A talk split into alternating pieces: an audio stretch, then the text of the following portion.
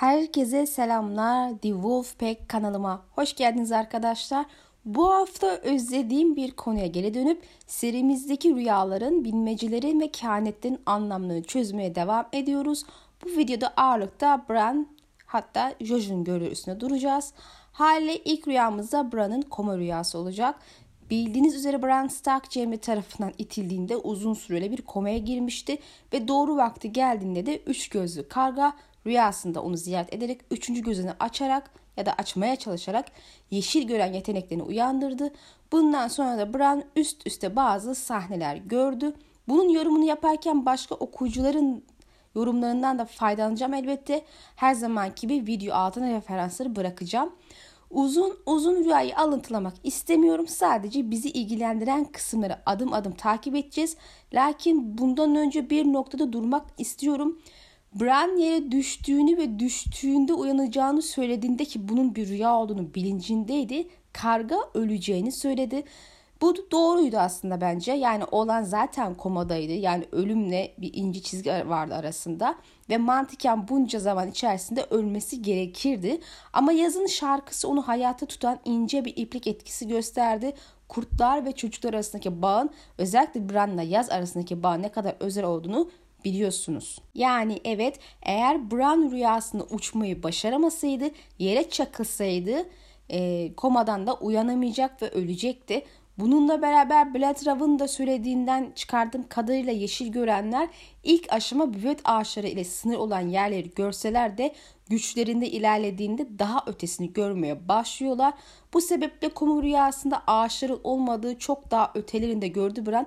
Daha doğrusu Blatrav'ın yardımıyla demek daha doğru. Eğitimini tamamladığında eğer olması gerektiği seviyede olursa tek başına ötesini görmeye başlayacaktır. Tabi bir diğer kurama göre tüm dünya yer altında büvet ağaçları ile sarmalandığı için her şekilde ağaçları kullanarak bu işi yapıyor ama diğerlerine ulaşmak için birbiriyle olan bağlantıyı ağ bağlantısını kullanır hale geliyor. Hani John'un hayalet üstünden tüm kurtlar arasındaki bağlantıyı kullanarak onların gözünden de görmeye başlaması gibi son kitapta. Şimdi tekrar başlayalım alıntılara. Ustad Luvini gördü. Bronz bir tüpün ucundan gökyüzünü seyrediyor, kaşlarını çatıp defterine notlar alıyordu balkonunda. Kardeşi Rob elinde gerçek bir kılıçta avluda talim yapıyordu. Bran'ın hatırladığından daha uzun ve güçlü görünüyordu. İyi huylu dev hodarı gördü. Omzuna aldığı örsü Mike'nin dökümhanesine götürüyordu. Ağır demir parçasını saman balyası kadar hafifmiş gibi taşıyordu. Tanrı korusunun ortasında kara göle düşen gölgesinin üzerine eğilmiş büyük beyaz büvet ağacını gördü. Yaprakları rüzgarla titriyordu. Bran'ın baktığını hissedince kanlı gözünü gölden ayırıp bilgece Bran'ı izlemeye başladı. İlk görüde çok özel bir şey yok. Bran o anda kışlarında olan bitenleri görüyor sadece. Ee, insanların günlük yaşantısını yani. Özel tek kısım Tanrı korusundaki büvete bakınca onun da Bran'a bakması ve izlemesi yeşil gören, deri değiştiren güçlerini kullandığınızda sanki farklı bir aleme geçiş yapıyormuşsunuz gibi hissediyorum. Diğer insanların görmediği bir kozmik boyuta bakıyormuşsunuz gibi. Büvet ağaçlarına erişimi olan kişilerin onlar aracılığı ile çevresinde olan biteni izlediğini hatta rüya gönderebildiğini biliyoruz ama diğer insanlar bunu fark etmiyor ama bu güçlere sahipseniz gücünüzü kullanırken belli ki o anda orada olanları görme imkanınız mevcut. Aynı bu sahnede olduğu gibi Tabi bu güçlere sahip insanlar birbirini hissettiği için karşı tarafta sizi hissediyor görüyor.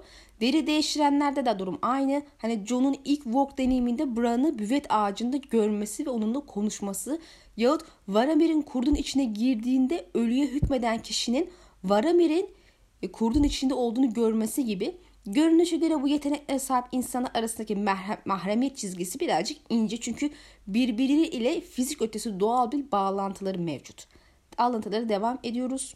Bran doğuya çevirdi gözlerini. Bir kadırga ısırığın sularında süratle yol alıyordu. Küçük bir kamerada önündeki masanın üzerindeki kanlı hançere bakarak tek başına oturuyordu annesi. Kürekçiler bütün güçleriyle kürek çekiyordu. Sir Roderick küpeşteye dayanmış, küreklerin yarattığı sarsıntıyla titriyordu. Büyük bir fırtına yaklaşıyordu. Kara bulutların arasındaki şimşek parıltıları vardı ama nedense kadırga, kadırgadakiler yaklaşan fırtınayı göremiyordu. Bir diğer şimdiki zaman yağı çok yakın geçmiş zamanda annesini kral topraklarına giderken izliyor. Burada hem mevcut olan bir durum hem de yaklaşan tehlike durumunu anlatan bir foreshadowing anlatımı var. Yaklaşan fırtınayı kimse göremiyor çünkü belli ki teknik olarak o anda denize fırtına yok. Tabi hiç fırtına yakalanmadılar demeye getirmiyorum. Yanlış hatırlamıyorsam Ejderha Kayası açıklarında bu oldu ama e, buradaki sahnede fırtına yok. Aksi olsaydı denizcilerin bunu fark etmemek gibi bir durumu olamazdı. Oysa herkes sakin bir şekilde duruyor, işine devam ediyor. Yazar bize burada Cat'in aracılığıyla yaklaşan bir tehlikeye karşı uyarmış. Sonraki sahnelerde okuduğumuzda zaten bunun ne olduğunu görebiliyoruz. Serçe parmağın Catelyn'i kandırması ve bunun üstüne Nehir topraklarındaki Han'da Tyrion'u kaçırması ile başlayan bir savaş. Tabi sırf Catelyn nezdinde Cat'in üstüne de atmayalım olayı. Diğer yandan Ned'in de kendi yanlış hamleleri sonucunda kral topraklarında esir düşmesi süreci var.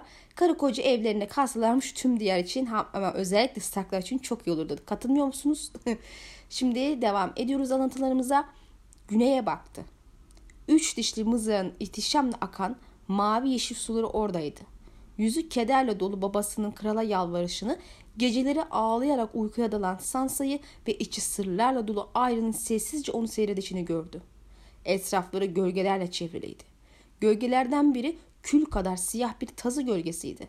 Diğeri güneş gibi sarı ve sıcak bir zırh kuşanmıştı. Taş zırhlı dev bir gölge diğer ikisinin üzerinde eğilmiş halde duruyordu. Miğferin siperini açtığında görünen bir surat değildi.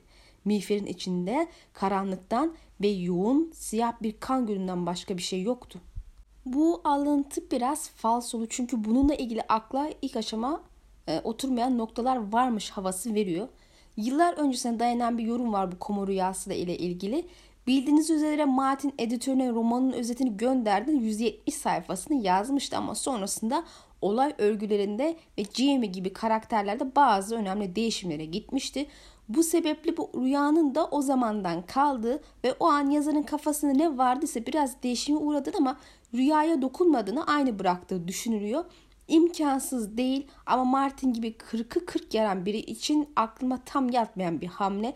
Yine de serinin ilk kitabında birkaç hata girmiş olması şaşırtıcı olmaz ki Bran'ı ziyafete eklemeyi unutmuş bir insandan bahsediyoruz. Hala bu yorum göze daha makul gelebilir elbette.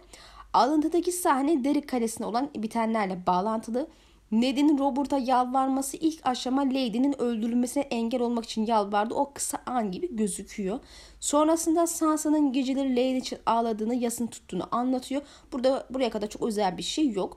Ayrı'nın ablasını sessizce ve iç içinde sırlarla izlediğine değiniyor. Burada sırlar kısmı kafa karıştırıyor benim için. Yani hiçbir sahnede Arya'nın sırlarıyla ilgili net bir şey görmedik. Arya'nın o ana kadarki en büyük sırrı John'un ona verdiği iğneyi yanında getirip saklamasıydı. Ama bağlama bakarsak bunun bir ilintisi var gibi durmuyor. E bununla ilgili iki yorum gördüm. İlki Nymeria'nın kaçmasına yardım etmesi ama bu tam manasıyla bir sır sayılmadığı gibi burada sırlar diyor sır değil. Yani birden fazla bir sırdan bahsediyoruz. Bir diğer yorum yazarın mektupta bahsettiği gibi işte John'a karşı duyduğu aşk diyor. Başkentten kış yarına sonra Lannister'ın saldırmasıyla Sur'a kaçmasıyla ona olan duygularını idrak ettiği bir olay örgüsü hazırlanmıştı ama bağlam ile gene bir ilintisi görülmüyor. Ve belki işaret rüyası diyerek ileriye gönderme yapmış denebilir ama bana öyle gelmiyor. Yani neticede burada Sansa'ya bakarak düşünüyor ve sırlara vurgu yapılıyor. Burada biraz tıkandığımı itiraf etmem gerekir. Tumble'da The Lasty Bravos Mate isimli bir blog Net e, Pov'dan e, Arya'nın durumunu ifade eden bir alıntı paylaşmış bu kısım için. Hatırlayalım. Ve Arya arkadaşı kasabın oğlunun öldürüldüğünü duyduğu günden beri kendi düşünce içinde kaybolmuş gibiydi. Sansa her gece ağlayarak uykuya dalıyordu. Arya ise kendi sessizliğine gömmüş halde gün boyunca dalıp duruyordu. Eddard Stark kış yarının Starklar için ayrılmış buzdan bir cehennemi hayal etti. Yani Bran'ın sahnesiyle bu sahne arasında paralellik olduğu aşikar. Bu sebeple Arya'nın sırları ile ilgili meseleyi Sansa ve Lannister'a karşı olan kötü his ve düşünceler ile ilgili olduğu yorumunu yapmakla sınırlayacağım şimdilik.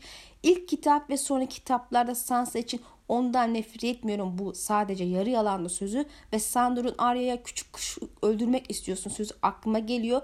E, zira Arya'nın hem Sansa'nın yaptıklarından hem de Lannister'ların olan bitenleri topladığımızda büyük bir öfkesi kabardığını ve zaten Micah meselesinden sonra travma yaşadığı için ruh halinde pek iyi olmadığını hatırladığımızda Ayra'nın karanlık his ve duyguları esir olduğunu düşünmek makul bir çıkarım olur gibi geliyor.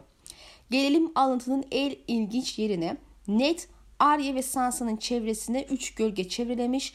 Ee, bunlar işte Tazı, Altın Çocuk Jaime ve Dağ'ın kendisi. Çevreyi okurken bunlar sadece sanki Arya ve Sansa'nın çevresine çökmüş gibi algılamıştım ama İngilizce biraz daha dikkat çekici. Net tabii ki işin içinde. Neticede cümle bağlantısı bunu gerektiriyor ve sonrasında Tazı ve Jamie'ye dikkat çektikten sonra Dağ'ın bu ikisinin üzerine gölgesini düşünü söylüyor. Yani Dağ'ın net ve kızlarla doğrudan bir ilgisi yok. Tazı ve Jamie ile ilgisi var gibi duruyor ki bu şekilde daha mantıklı geliyor kulağa. Zira Dağ'ın Stark kızları ve Ned ile doğrudan bağlantısı var diyemem. Tamam Dağ ve aile karşılaştı ama doğrudan bir zarar dokunmadı. Sadece bizi kızı iyi korkuttu ama Dağ'ın Özde Arya ile ilgili bir işi hiç yok en azından şu ana kadar olmadı.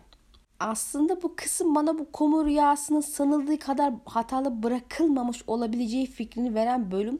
Yahut zaten daha önceki taslak videosu yorumda da belirttiğim gibi Martin'in taslak pek de değiştirmediğine başka bir kanıt. Çünkü bu kısımda olan biten birebir duruyor gibi ve dahası şu an tam bilemediğimiz bir olaya işaret gönderiyor gibi. Şimdi gölgeler tamamen tehdit yahut kısmi tehdit olarak yorumlanabilir. E, dahası 3 gölge 3 kişinin hepsini kapsamak zorunda olmayabilir. Jamie'nin Ned ile olan kötü ilişkisi ve kısa ve ölümlü e, karşılaşmaları Jamie'nin gölge gibi Ned'in üstüne çökmesini mantıklı kılıyor. Bu bir tehdit ilişkisi. Ayrıca Jamie'nin sırrının Ned'in başkentte bulunma sebebi olduğunu unutmamak lazım. E, Tazı'nın hem Arya hem Sansa'nın hayatındaki bana göre önemli yeri tehdit olmayan bir ilişki olarak vurgulmuş duruyor. İleride bu iki kız kardeşin hayatındaki yeri devam edecek kanımca. Dağa gelirsek eğer hatalı anlamlandırma yapmadıysak dediğim gibi dağın dev gölgesi Tazı ve Jamie'nin üstüne eğilmiş. Yani bu ikisiyle olan ilişkisine vurgu yapıyor. Tazı ile olan nefret ilişkisini biliyoruz. Sadece Tazı abisinden değil aşikar ki Dağ da kardeşinden nefret ediyor. Gerçi bence bu pislik herkesten nefret eden bir psikopat. İkisinin birbiriyle olan ilişkisi tehdit üstünde ve tabii ki karşılaşacaklarından kimsenin şüphesi yok. Bana göre ikisinin de ölümle sonuçlanacak bir son karşılaşma olacak. Diğer yandan Dağın Jamie'nin hayatındaki etkisi ne olabilir? Şu ana kadar elle tutulur bir şey yok. Sahneleri bile yok bu ikisinin. Benim aklıma gelen şey şu. Cersei yardım istediğinde Jaime reddetti ve o da Robert Strong isimli gizlenen dağa bel bağladı ki Rüyadaki hali zaten onun zombi haline dönüşeceğini işaret ediyor. Daha şimdiki şimdi sürekli Cersei'nin çevresinde çok uzağında değil asla. Her şeyin sonuna gelindiğinde Cersei'nin Valangor'u ortaya çıkacak ve bu komu rüyasındaki gölgeler aynısı bence Jaime'nin Valangor olduğuna da dolaylı bir işaret. Çünkü Jaime ve Dağ'ın karşı karşıya gelmesini sağlayacak yegane sebep Jaime'nin Cersei'yi durdurmaya çalışması olur. Yani biz ilk aşama sadece tazı ve dağ dövüşü beklerken yüksek ihtimal buna üçüncü bir kişi olarak Jaime de katılabilir en azından ilk başta. O zaman bu üç gölgenin yan yana olması hatta dağın gölgesinin diğer ikisinin gölgesinin üstüne eğilmesi sayesinde net şekilde gerçekleşmiş olur. Bence düşüncesi bile heyecan verici değil mi? Şimdi yeni bir alıntıyla devam ediyoruz. Gözlerini kaldırdı. Dar denizin ötesi kristal kadar net görünüyordu. Özgür şehirler, Dotrak denizi ve ötesi bir dağın eteğindeki Vastothrak, büyülü toprakların kıyısındaki Yeşim denizi, ejderhaların güneş ışığı altında uyandığı gölgenin yanındaki aşağıyı. Buranın burada gördükleri hep tartışmalı olmuştur ve yorumlar genelde iki şey üstüne durmuştur. İlki Deni'nin ejderhalarıyla aşağıya gideceği. Bu aslında Martin'in şablonu bildiğimizden makul duruyor. Çünkü çevresinde sık sık geçen bir aşağı referansı var. Dahası maskeli ablamız kuvvetle onu oraya çekmeye çalıştığını biliyoruz ama ilk aşama niyet ettiyse bile e, şu an aşağıya bir yolculuk görülmemekte. Martin en az iki kere buraya muhtemelen flashbackler göreceğimizi söyledi ki eğer bu olursa zaten ancak Melisandre gözüyle olacaktır. En makul Paul karakteri kendisi çünkü. İkinci yorum ise aşağının gölge topraklarında hala ejderhalar olduğu. Bu doğru olsaydı oraya gelip giden onlarca kişi ejderhaları görür ve bunu dünyaya yayardı. E, Melisandre de ejderhayı dirilteceğim diye uğraşmazdı herhalde. Dahası son ejderhaların yıllar önce öldüğünü biliyoruz ve bunun tabii ki mevsimler üzerinde ve büyü üstünde bir etkisini de görürüz. O halde şimdilik en makul yorum nedir? Yararlandığım forumdaki yol boya göre Bran nasıl geleceği gördüyse burada da geçmişi gördü. Bir zamanlar gölge topraklarında yaşayan ejderhanın anısına baktı. Yani şu anı ve geleceği gören Bran'ın geçmişi de görmesi mantıklı geliyor. Ejderhaların ana vatanı ile ilgili çeşitli yorumlar var ve bunlardan biri de gölge topraklar. Ana vatan burası bilmem ama en azından bir zamanlar burada ejderhaların yaşadığından emin olabiliriz. Burası Yiğiti'ye yakın olduğu için Şafak İmparatorluğu zamanında ışık getirine dövmek için kullanılan tapınaktaki kutsal ateşin ejderha ateşi olduğu fikrimi biraz daha da güçlendiriyor diye düşünüyorum. Ha başka bir yorum olarak ne yapılabilir? Ee, gelecekle ilgili gene yorum yapılabilir ama nedir hani Den'in ejderhaları gidiyor şeklinde değil de belki de e, Daenerys'in ejderhalarının doğması eğer mevcut ise aşağıdaki e, ejderha yumurtaların da çatlamasına vesile olmuş olabilir. Yani belki yani derler ya Daenerys'in ejderhaları ölürse o zaman dünyada ejderha kalmayacak mı? Ee, ölürse belki de aşağıda ejderha yumurtaları vardı ve onlar çatladı ve ejderha o şekilde devam edecektir.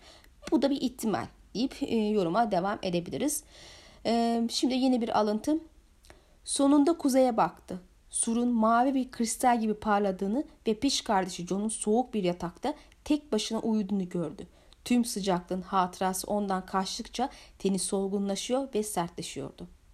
Martin 3. Bram Pov'da hikayenin daha başlarında John'un ölümünü anlatan bir foreshadowing vermiş. Zaten birinci kitapta bol bol vermişti bunu. Sur'un ara ara renk değiştirdiğini biliyoruz. Bu alıntıda seçilen renk değişiminin ötekileri ifade eden mavi olması da ilginç tabii ama ayrıca mavinin John ile Mavi Gül yani diğer ismiyle Kar Gülü ile ilgili balans olduğunu da unutmayın. Mavi bir çiçek buzdan bir çatlakta büyüyordu hatırlıyorsanız.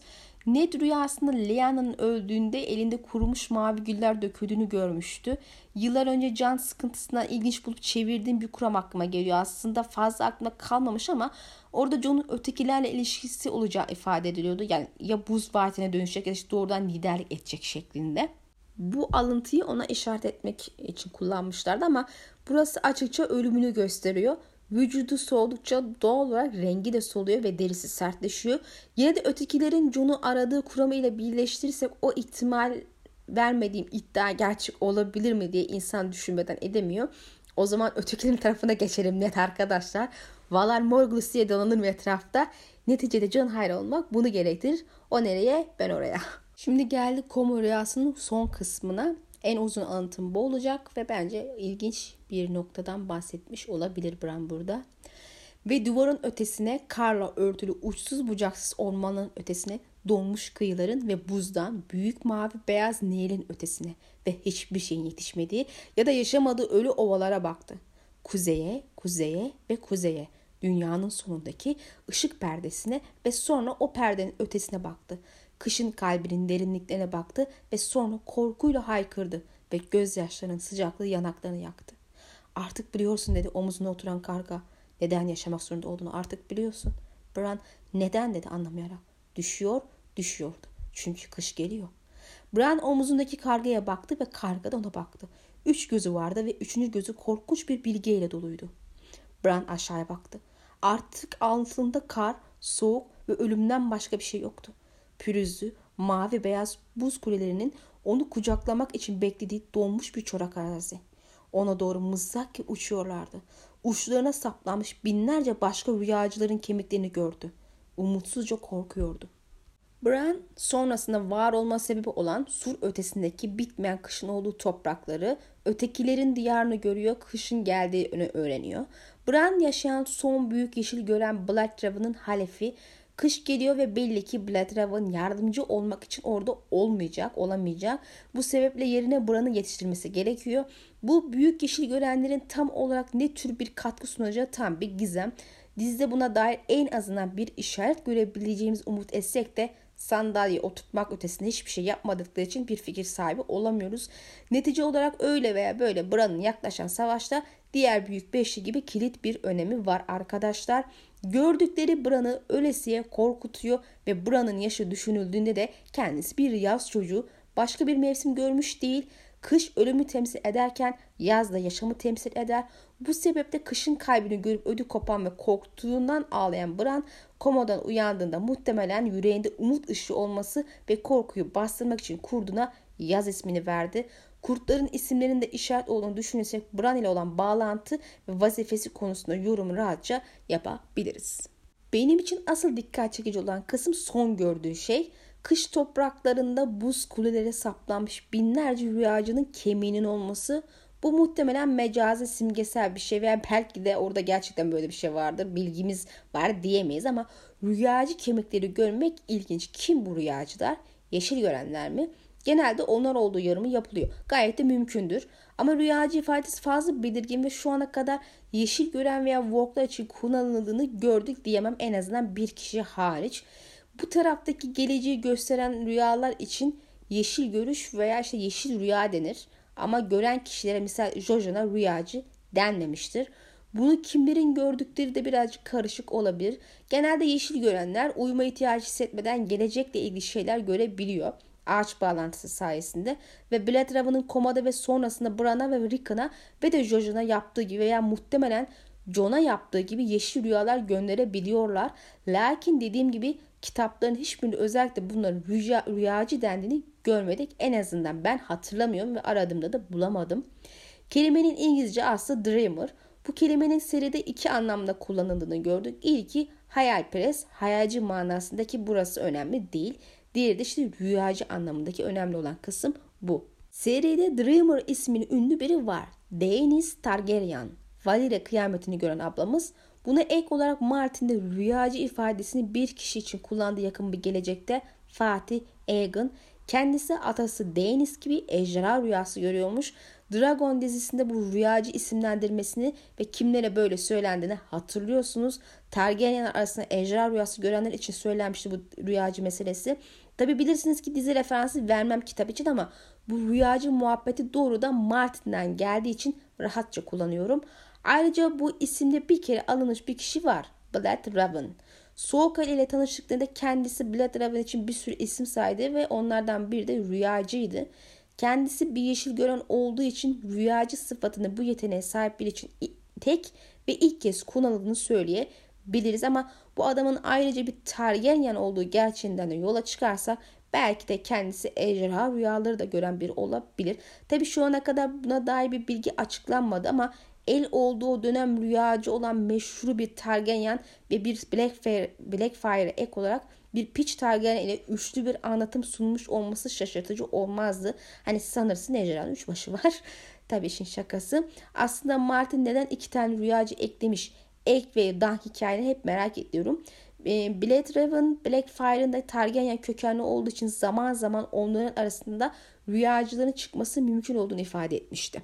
Sahte Aegon'un resmiyette Targaryen değil Blackfire'da olsa ejderhanın üç başından biri olarak Targaryen kökenlerine hakim olduğu ve bunun önemli olduğunu gönderme olabilir gibi geliyor. Ee, ama yine de rüyacı noktasında bir yorum tabii ki de yapamıyorum. Hem Egan hem de John rüyacı çıksa aslında güzel olurdu. Neticede ana serimizde Daenerys ek olarak muhtemelen Üstad Aemon rüyacı çıkmıştı.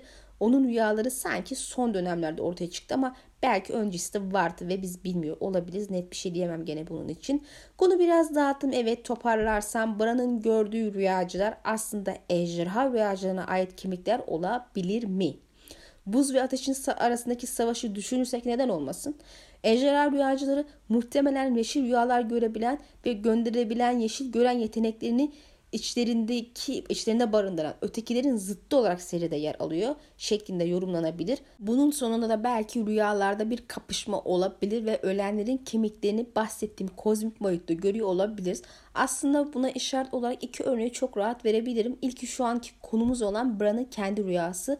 Bir yeşil gören olarak Blood Raven'ın yardımıyla bir yeşil rüya görüyor. Bran rüya başında düşerken ne diyordu? Bu bir rüya, düştüğümde uyanacağım. Peki Blood Raven ne dedi? Düştüğünde öleceksin.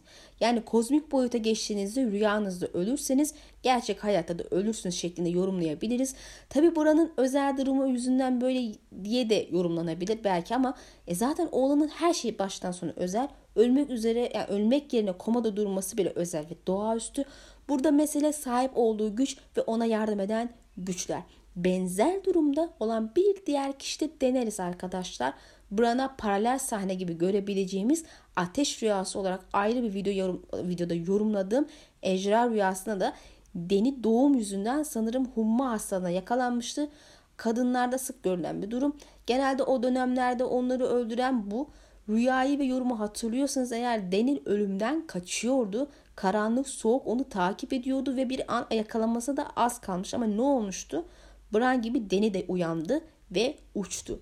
Bu şekilde ölmekten kurtuldu ve e, işte hummalı rüyasından, ateşten, koma gibi bir şeyden uyandı. Aksi halde o da ölecekti. Onun gücü de ona yardım etti ve muhtemelen yardım eden başka güçler de vardı. İkisi de para- paralel sahne ve ikisi de iki ayrı yeteneğin farklı anlatımı. Yani rüyalarda kapışma görmesek de bu kuramsal olarak mümkün olabilir ve rüyada ölürsen gerçekte de ölürsün. Yani bu tarz e, rüyalarda. Zamanında bu kapışmalar olmuş olabilir. Bran'ın gördükleri de o dönemden kalma, savaşıp kaybetmiş ejderha rüyacının kemikleri olabilir. Muhtemelen çok eski dönemlerden kalma. Eğer bu rüyacı terimini yeşil gören veya bu rüyaları görebilen worklar olarak da yorumlamak isterseniz temelde durum tabii ki gene değişmiyor. Aynı durum söz konusu ama ben şimdi rüyacıların ejderha rüyaları gören olduğunu söyleyeceğim. Belki ileride fikrim değişir. Koma rüyalarımız tabii ki bitti şimdi. Bundan sonra buranın diğer rüyalarına imgelerine bakacağız. Bir sonraki rüya ilk kitaptan 4. Bram Pov'una ait. Rüyasında yine tırmanıyordu. Kendini penceresiz eski bir kuleye çekiyordu. Parmakları kararmış taşların arasında zorlanıyor, ayakları tutunmak için çabalıyordu. Gittikçe daha yükseğe, bulutların arasından gece gökyüzüne tırmandı ve kule hala önünde yükseliyordu. Aşağı bakmak için durakladığında başı dönmeye başladı ve parmaklarının kaydığını hissetti. Bran haykırdı ve hayatı tutunmaya çalıştı. Dünya binlerce mil altındaydı ve o uçamıyordu. Uçamıyordu. Kalbinin çarpması duruna nefes alabilene kadar bekledi ve tekrar tırmanmaya başladı. Yukarıdan başka gidebilecek bir yol yoktu. Çok yukarısında uçsuz bucaksız soluk bir ayın altında çörtenlerin şekillerini görebildiğini düşündü. Kolları ağrıyor ve acıyordu ama dinlenmeye cesaret edemedi. Daha hızlı tırmanmak için kendini zorladı. Çörtenler onun yükselişini izliyordu. Gözleri mangaldaki sıcak kömürler gibi kıpkırmızı parlıyordu. Belki bir zamanlar aslanlardı ama şimdi çarpık ve grotesktiler. Bran onların duyması korkunç yumuşak taş sesiyle birbirlerine fısıldaştıklarını duyabiliyordu.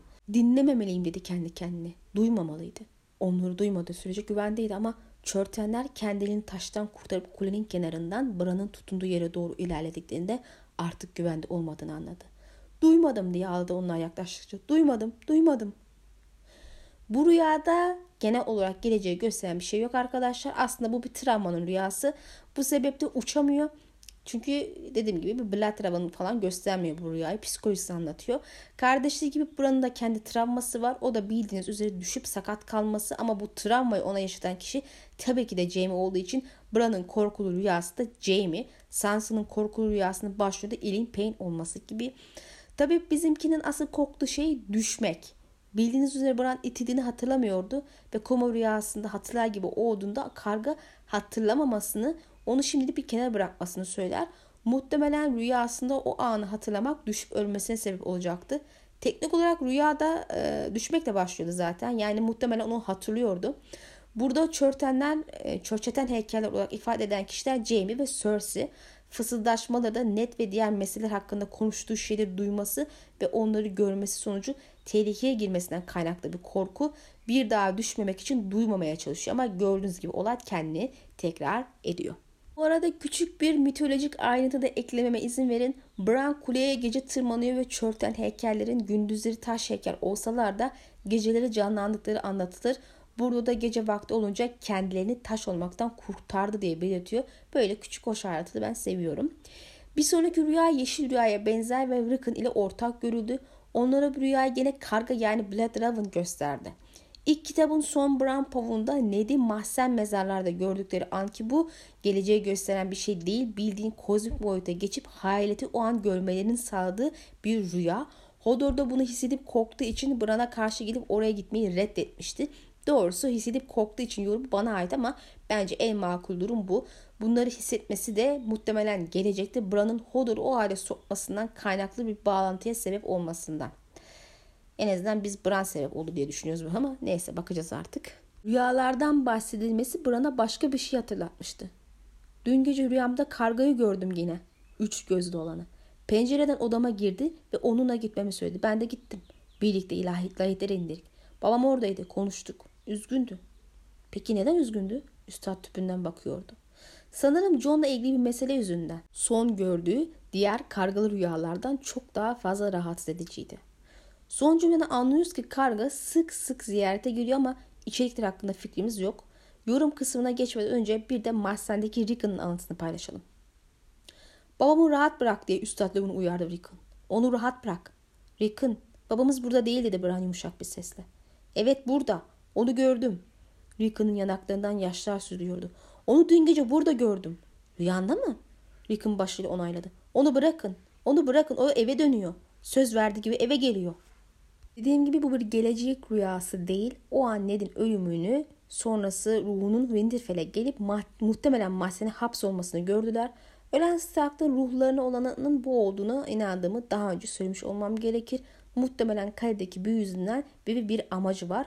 John'un rüyalarını incelediğim videoda daha fazlasını bahsetmiştim. Rickon konuşmuş mu bilmiyoruz ama Bran babasıyla konuşmuş ama çok net hatırlamıyor. Sadece John ile ilgili bir şeyler üzgün olduğunu ifade ediyor. Bu da muhtemelen kimliği ve bir ihtimal onun sura gitmesine izin vermesiyle ilgili pişmanlık hissi olabilir. Ned öldüğü için şimdi John'a göz kulak olabilecek, onu koruyabilecek biri olmaması Ned'i endişelenmiş ve üzmüş olabilir. E, bir şeyleri daha erken anlatmadığı için pişmanlık duymuş olabilir ve Bran'ı görünce bir ihtimal ona söylemiş olabilir gerçekleri. Karga belki de bu sebeple çocukları oraya götürmüştür öğrensinler diye bu ve babalarına veda etmeleri için. Dizinin etkisi de John'un kimliğini Bran inşa edecek düşüncesi hakim birçok okuyucuda. Belki net ayrıntısı ile olmasa bile yüzeysel bir şeyler çıtlattıysa gerçekten Bran ileride bunu hatırlayabilir ama dizide olayı Bran ve Sam aracılığıyla çözmeleri kanımca Howland karakterini eklememeleri ve Jon'a yeteneklerini vermemelerinden kaynaklı. Jon'un rüyaları ve House ile bu sır perdesi aranabilir. Fazlasına pek gerek yok gibi. Diğer rüyaya geçelim. ikinci Branpoff. Uç ya da öl diye bağırdı üç gözlü kargonu gagalarken. Ağladı ve yalvardı ama karganın hiçbir acıması yoktu. Önce sol gözünü sonra sağ gözünü çıkardı ve karanlıkta kör olduğunda alnını gagalayarak korkunç keskin gagasını kafatasının derinliklerine soktu. Ciğerlerinin patlayacağından emin olana kadar çığlık attı. Acı kafasını parçalayan bir balta gibiydi ama karga kemik ve beyin parçalarıyla yapış yapış olmuş gagasını çıkardığında Bran tekrar görebildi. Gördüğü şey onu korkudan nefessiz bıraktı. Kilometrelerce yükseklikte bir kuleye tutunuyordu ve parmakları kayıyor, tırnakları taşı tırmalıyor, bacakları onu aşağı sürüklüyordu. Aptal, işe yaramayan ölümlü bacaklar. Yardım edin diye bağırdı. Gökyüzünde altın bir adam belirdi ve onu yukarı çekti. Altın adam Bran'ı boşa iterken aşk uğruna yaptığım şeyler diye mırıldanıyordu. Sonraki rüya gene karga tarafından gösteriliyor ama iş gene Jamie'ye ve düşmeye dönüyor.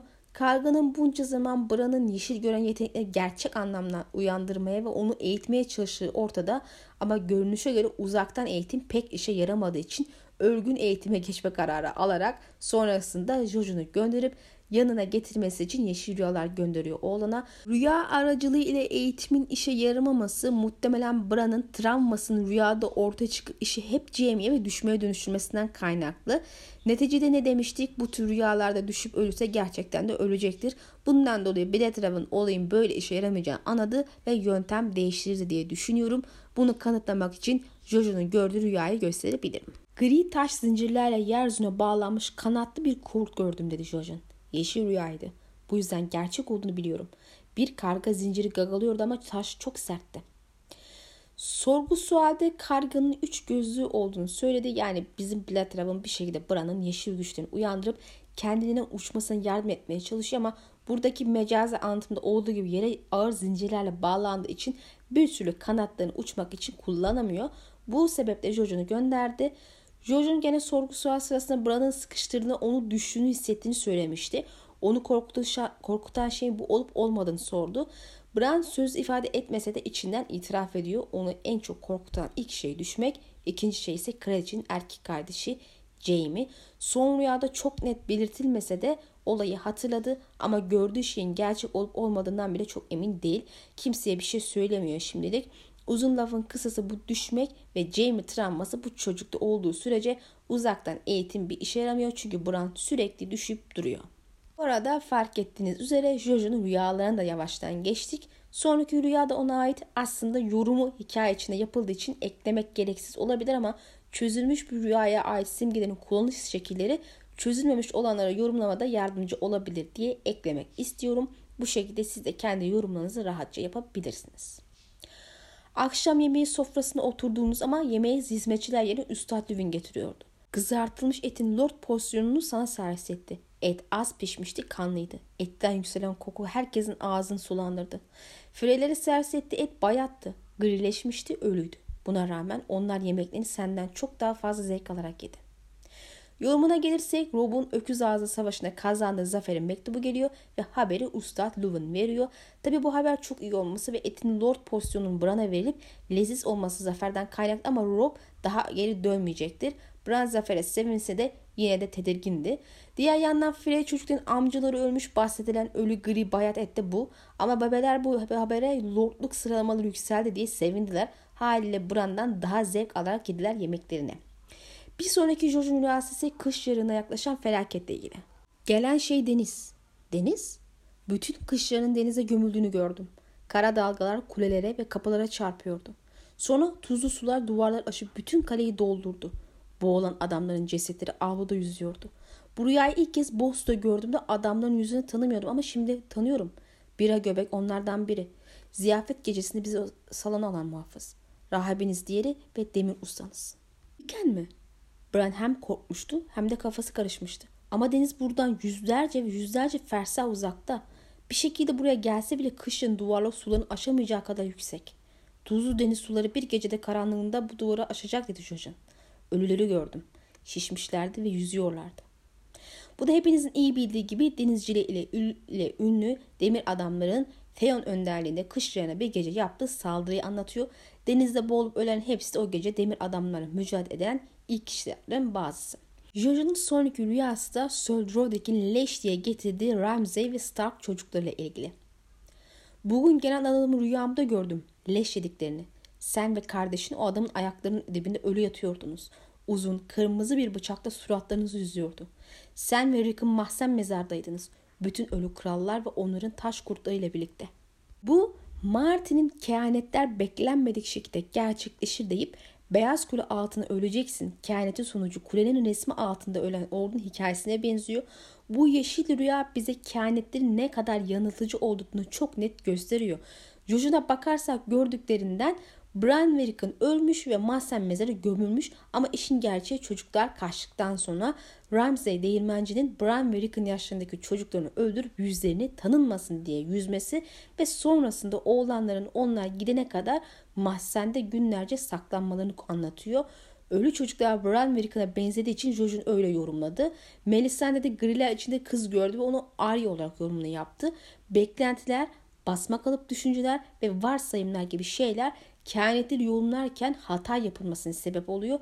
Bu sebeple yorumlarken mümkün mertebe basma kalıplara takılmamaya çalışmak zorundayız ama işte zor ve ama yine de denemek gerekiyor. John'un ilk kurt rüyası Bran ile ortaktı. Onu zamanda yorumlamıştım. Bu sebeple tekrar girmeyeceğim ama Bran'ın mahzendeyken gördüğü kurt rüyasını tekrar yorumlayacağım. Daha önce e, ejderha videosunda bahsetmiştim. Neticede kurtların dışarıda fink attığı bir sahne olduğu için uzun uzun alıntı yapmak yerine önemli kısmı alıntılayacağım. Ama bir koku onları kendine çekerken diğer kokular uzak durmaları için uyarıyordu. Yükselen dumanı kokladı. İnsanlar, çok fazla insan, atlar ve ateş, ateş, ateş. Başka hiçbir koku bu kadar tehlikeli değildi. Demirin sert ve soğuk kokusu bile insan pençesini ve sert derisinin hülasası. Küller ve duman gözlerini bulanıklaştırıyordu. Kuyruğu bir ateş nehrinde vücut bulan kanatlı ve kocaman bir yılan gördü gökyüzünde. Hırladı ama yılan gitmişti. Tepelerin arasındaki yüksek alevler yıldızları yiyordu. Aslında bu bir düzeltme yorumu olacak. İsmi geçen videoda muhtemelen bunun ateş ve kana çekilen bir ejderha olduğunu, yüksekle ihtimal bir buz ejderhası olabileceğini söylemiştim. Ama son kez okuduğumda ilgisiz alakası olduğunu fark ettim. Yaz burada bildiğiniz benzetme sanatı kullanarak dumanı ve ateşi bir şeylerin yıkılma sesini falan kanatlı yılana benzetmiş. Biz de onu ejderha diye yorumladık. Bildiğiniz Martin burada bize kırmızı ringe balı atarak yemlemiş. Bölümü baştan okuduğunuzda hala orada savaşan insanlar olduğunu göreceksiniz. Dolaşan insanlar olduğunu sahnenin geçtiği anlarda haliyle. Ejra'nın gelip başkanı tarafından görünmeyeceğini ve duyulmayacağını farz edemeyiz haliyle.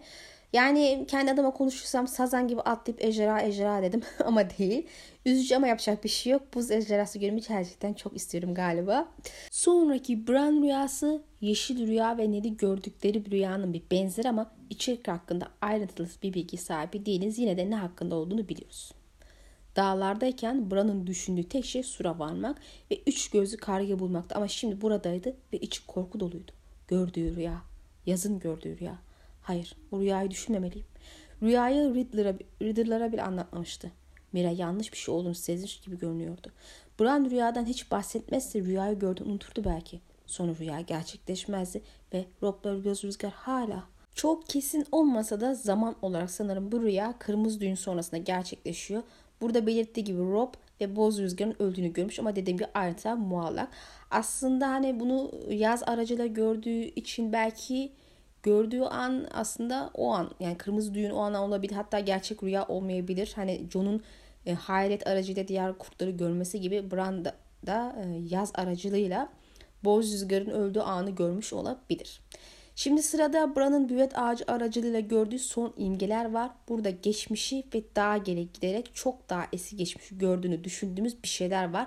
Ve hepsi de kılıçları ve Starklarla bağlantılı. İlk kısım nispeten yakın geçmiş zaman dilimini içeriyor. Babasını gördüğü iki geçmiş zaman dilimini paylaşacağım ve sonra yorumunu yapacağım. Lord Edward Stark Tanrı korusundaki derin ve siyah gölün yanında bir kayanın üstünde oturuyordu. Yürek ağacının solgun kökleri yaşlı bir adamın eğri büğrü kolları misali Lord'u sarıyordu. Büyük kılıç buz Lord Edward'ın kucağında yatıyordu ve Lord yağlı bir bezle kılıcı temizliyordu. Kış yarı diye fısıldadı Bran. Babası yukarı baktı. Orada kim var diye sordu arkasını dönerek ve Bran korktu. Geri çekildi. Bran gözlerini kapadığını hatırlamıyordu ama sonra her nasılsa yine kış yarındaydı. Tanrı korusunda babasına bakıyordu. Lord Edward bu sefer çok daha genç görünüyordu. Saçları kahverengiydi. Hiç gri yoktu. Başını öne eğmişti. Aralarında sevgiden başka hiçbir şey olmadan kardeş kadar yakın büyümelerine izin verin diye dua ediyordu. Ve Lady karımın beni affetmesi için. Baba, Bran'ın sesi rüzgardaki fısıltıydı. Yapraklardaki hışırtıydı. Baba benim Bran. Brandon. Stark başını kaldırdı ve uzun boylu büvet ağacına baktı ama konuşmadı. Beni göremiyor diye fark etti Bran umutsuzlukla. Şimdi Bran'ın babasını gördüğü ilk imge muhtemelen son dönemlerine ait. Belki kitabın başındaki kaçağı idam ettikten sonrakine de ait olabilir. Çünkü imgeler her defasında daha geçmişe gidiyor görünüyor. Bu da başlangıç noktası olarak bahsettiğim dönemi seçmeyi makul kılıyor. İkincisi ise daha geçmişe gidiyor. 16-17 sene önce savaşının, savaşının bittiği dönem. Net bir çocuk meselesi yüzünden karısının ona kızgın olması yüzünden tabii ki de rahatsızlık hissediyor. yüzden üzgün ve çocukların iyi geçinerek büyümesi konusunda da ayrı bir sıkıntısı var. Bu cümle aslında John ve Rob'un özle kardeş olmana dair bir işaret olarak yorumlanabilir. Çünkü kardeş kadar yakın büyümelerine diyor. Kardeş olarak demiyor. E, dizide de işlenen ama arkası gelmeyen bir sesini duyurma durumu var. Ama şimdilik kitapta da ötesini görmedik. Belki bunun üstünde dururlar. Hatta bence yazarın duracağı bir şey yoksa eklemezdi. Yine de Blade Raven duyduğu sen değil ağaç, rüzgar, yaprak vesaire idi biliyorum. Çünkü kendi hayaletlerim de var şeklinde bir uyarı yapıyor. Muhtemelen haklı ama yine de Theon'un kış yarısı haline bakarsak durum farklı olabilir. Theon muhtemelen Bran'ın sesini duydu ama Bloodraven haklı olduğu şey onlarla konuşamazsın kısmı. Yani oturup da uzun uzun sohbet etmek mümkün görünmüyor ama bariz ki tek kelimelik veya belki bir iki kelimelik de olsa bir şeyler duyuyor gibiler. Aksi halde ilk seferinde net başını kaldırıp kim var orada diye sormazdı. Çünkü çok net duydu. Theon da duydu. Tabi bir de acaba Bran bir istisna olabilir mi diye merak edebiliriz. Neticede yarı akıllı da olsa bir insan walkladı diyoruz ama Blade Raven'ın da o kadar güçlü olmadığını iddia edebileceğimi sanmıyorum. Çünkü aklıma Varamir'in yabanın kadına eli geçirme eylemi geldi. Bir saniyelikle olsa bunu başarmıştı. Ki o adam bir yeşil gören dahi değil. Sadece güçlü bir Warg'du. Haliyle bu meseleyle ilgili durum şimdi tam bir muallak. Bakalım Martin nasıl işlemeyi seçecek ama ben Bran'ın geçmişten biriyle çok kısa dahi olsa konuşma ihtimali üstünde duruyorum. Belki bir başka yeşil gören ya da work olabilir. Çünkü hatırlıyor eseniz bunlar arasındaki bağ güçlerini kullandıklarında sıra, kullandıkları sırada birbirlerini fark etmelerini, e, iletişim kurmalarını sağlıyordu. Ağacın içindeki Bran ve hayaletin içindeki John dahi sohbet etmişti. Geçmiştekiyle niye edemesinler engel olan nedir? Eğer Hodor'un mevcut durumu dizdeki olaya benzer bir şekilde gerçekleşmiş ise kitapta Bran'ın sohbet etme meselesini en azından kendi gibi bir yeşil gören ya da güçlü bir work ile işleneceğini düşünmek için beklenti oluşturabiliriz. Hatırlarsınız Melisandre geçmişte doğmamış, geçmişte doğmuş ya da gelecekte e, daha şu an doğmamış kişilerle konuşabileceğini iddia ediyordu. Yani onlar edebi, onlar yapabiliyorsa niye bir yeşil gören yapamasın? Diğer imge isyan öncesindeki Ned ve kardeşlerinin daha çocuk oldukları zamana gidiyor.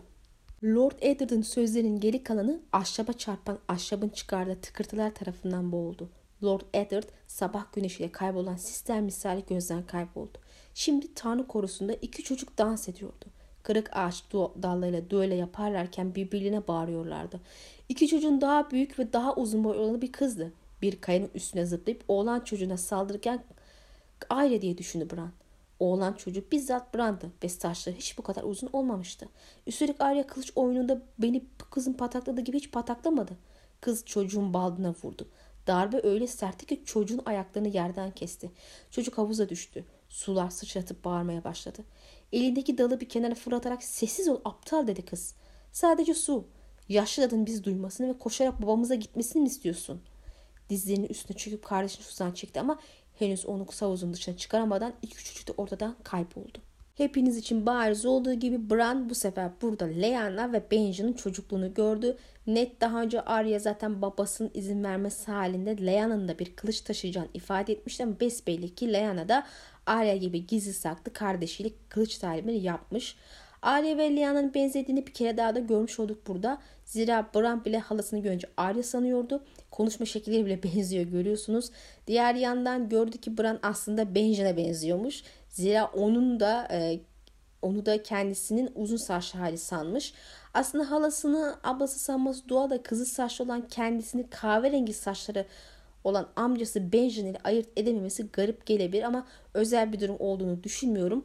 Sonuçta benziyor tipleri demek için işte saç rengi farklı olsa da bu da aslında seride bazı ayrıntıların kolayca karakterler tarafından gözden kaçırılacağını gösteren hoş bir ayrıntı. Son olarak da kardeş kadar yakın büyüsüler imgesi ardından John'un annesinin gösterilmesi bence dolaylı yoldan durumu işaret etmek için güzel olmuş. Tabi bunlar hep belli belirsiz bilmeyenin gözünü açmayacak fark edemeyeceği göndermeler. Bundan sonraki imgeler bilgimizin biraz ötesine geçecek. Bundan sonra imgeler daha hızlı geldi. Bran sonunda kendini kaybolmuş ve sersemlemiş hissetti. Ne babasını ne de Arya'ya benzeyen kızı bir daha gördü ama siyah havuzundan hamile bir kadın çıktı. Çıplaktı, üstünden su damlıyordu. Ağacın önüne diz çöktü ve eski tanrı onun intikamını alacak bir erkek evlat için dua etti. Zamansal olarak diğer üçlü kıyasladığımızda son 3 sene içerisinde yaşanmış bir olay olduğunu düşünebiliriz. Söz konusu intikam olduğu için ortada ya bir savaş ya da haktan mahrum edilme veya ikisinin yaşandığı bir durum söz konusu olmalı. Maalesef Stark tarihi Targaryen tarihinin aksine tamamlanmış olmaktan uzak, genelde parça parça ve kısaca geçitip gidilmiş bir durumda. Yıllardır yapılan en iyi tahmin bu kadının 1. Aerys Targaryen döneminde demir doğumluların kuzeye saldırdığı ve Lord Baron Stark'ın öldüğü, geride de toplam 5 kişilik dul kadınların, eşlerin vesaire bırakıldığı Winterfell'in dişi kurtları dönemi olduğu, onun ölümü sonrası sonraki Lord'un kim olacağına dair bir kriz çıkmıştı. Dunk ve Egg serisinde de bu dönem işlenecek. Bunu biliyoruz. Muhtemelen Martin buna dair bir göndermeyi burada yaptı. Bu kadının Baron'un karısı olabileceği söylendi ama kocası öldüğünde zaten hali hazırda 7 çocuğu vardı. Yönetimde de e, kendisi mevcuttu. Sonunda en büyük oğlu lordluğu almıştı. Yani o olamaz. Bir de dul eş aslında bir Royce Güneyli. Winterfell'in tanrı konusu onun iş olacağına dair şüphelerim var. Onlar inanç mensubu güneyle bir aile diye aklıma yer etse de işimizde tabii ki de net bir bilgi sahibi de değiliz. Ailelerinde bir sürü sör olduğu düşünülürse ve sör olmak için inanç tarafından kutsanmanız, kutsanmanız gerektiğini ya da kral tarafından ilan edilmeniz gerektiğini, inanç mensubu olduklarını çıkarıyorum bu ailenin. Bu durumda hamile kadın muhtemelen o dönem diğer dullar arasında kuzeyli bir kadın olmalı. Baron'un ağabeyinin karısı eski lordun yani e, karısı Lady Mandarin kendisi de olabilir ama o da inanç mensubu ve çocuksuz olduğu biliniyor. Bu sebeple belki o da olamaz. Bir tane dişi kurdumuz daha var bildiğimiz bir Karstak ama o muhtemelen büyük anne dedikleri dişi kurt çünkü çok yaşlı olması lazım. Zaten onun çocukları miras aldı hep. Geriye iki dişi, dişi kurt aramak kalıyor ama onların kimlikleri tam bir muamma. Bu sebeple yüksek ihtimal bu kimliği bilinmeyen iki dişi kurttan birini gördük orada. Bir sonraki ise çok popüler bir cevaba sahip. Sonra kahverengi saçlı bir genç kız geldi. Bir mızrak kadar inceydi. Ayak parmaklarının üstünde yükselerek Hodor kadar uzun boylu bir şövalyeyi öptü. Herkesin malum olduğu gibi bunun yaşlı dadı ve Duncan olduğu söyleniyor. Zaten Duncan'ın Lord Baron yaşarken kuzeye gideceğini biliyoruz. Bu sebeple yüksek ihtimal Lord'un ölümü sonrası gördüğümüz hamile kadından sonra olayın biraz daha öncesi olan Lord Baron dönemi veya belki ölümü akabinde bir vedalaşma sahnesiyle Duncan'ı görmüş olmak muhtemeldir. Yine de kadının yaşlı dadı olduğu şüphelidir. Bilindiği kadarıyla annesi doğumda öldüğü bilinen bir Brandon mevcut. Baron'un oğullarından William'ın ilk karısı Leanna Glover'ın oğlu Brandon'dan bahsediyorum. Yaşlı da muhtemelen bu dönemde geldi. Lakin fark edeceğiniz üzere zaman olarak uyuşmuyor. Çünkü Lord Baron'un üstüne bilmem kaçıncı Lord Stark'tan bahsediyoruz. Zaten yaşlı da ne kadar yaşlı olabilir ki? Yani kadın 200 yaşında değil sonuçta. Bunun da ötesinde yaşlı dadının kendi çocukları olduğu da zaten biliniyor. Yani geldiğinde muhtemelen kocasıyla kaleye gelmiş, yerleşmiş olması çok daha olası bir durum gidip de e, Duncan'la mı kırıştı diyeceğiz kadının için. Bir de bahsedilen kız yani mızrak kadar ince. Muhtemelen bakire bir kızdan bahsediyoruz. Doğum yapmış birinden değil.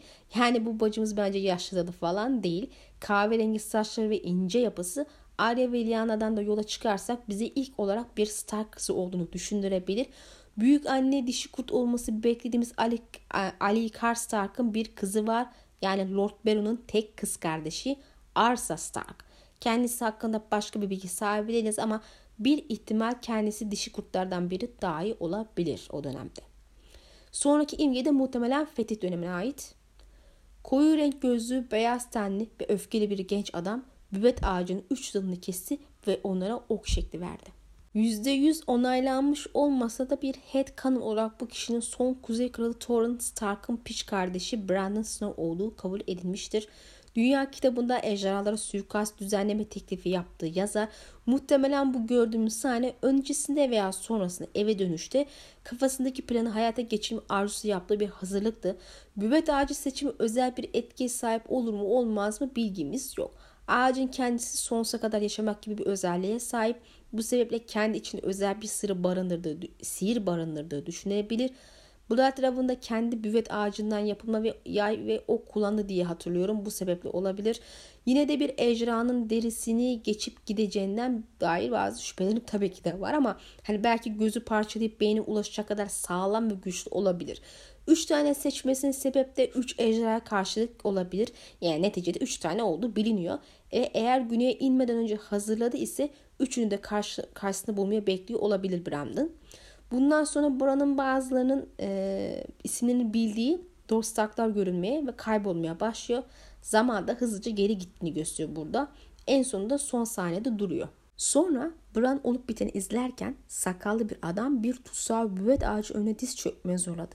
Beyaz saçlı bir kadın bir kırmızı yaprak yığının içine geçerek onlara doğru yürüdü. Kadının elinde bir bronz orak vardı. Hayır dedi Bran, hayır yapma. Ama onu duymadılar. Tıpkı babasının duymadığı gibi. Kadın tutsağı saçlarından yakaladı. Ora adamın boğazına indirdi. Ve kırık çocuğun yapabildiği tek şey ayakları toprağa döven adamı asırların sisin arasında izlemekti. Ama adamın canı kırmızı bir ney gibi dışarı akarken Bran Stark kanın tadını alabiliyordu. Kadın yaşlı mı yoksa sadece saçları mı beyaz bilemedim hiç. Genel olarak bu sahnenin ne olduğu ve zamanı konusunda net bir yorum yapabilirim en azından kısmen. Bu hangi kral Stark bilmiyoruz aslında ama Andal istilası dönemine ait olduğunu biliyoruz. O dönemler ağaçları kurban etme geleneği vardı. Kurban edilen kişi de Andal esirlerinden biri. Kral belki aç kurt Theon olabilir zira Andal'a onun döneminde gelmişti.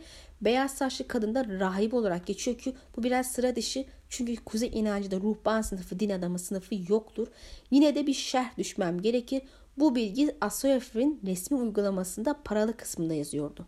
Yıllar evvel ilk çıktığında bu uygulama Asyof YouTuberlarından biri bu konuda video yapıp bazı bilgiler paylaşmıştı. Oradan aklımda kaldı.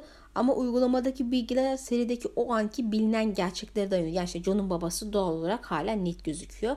Belki bu rahibe denen kadın kimliği de değişebilir ileride. Belki çoktan değişmiş de olabilir bilmiyorum.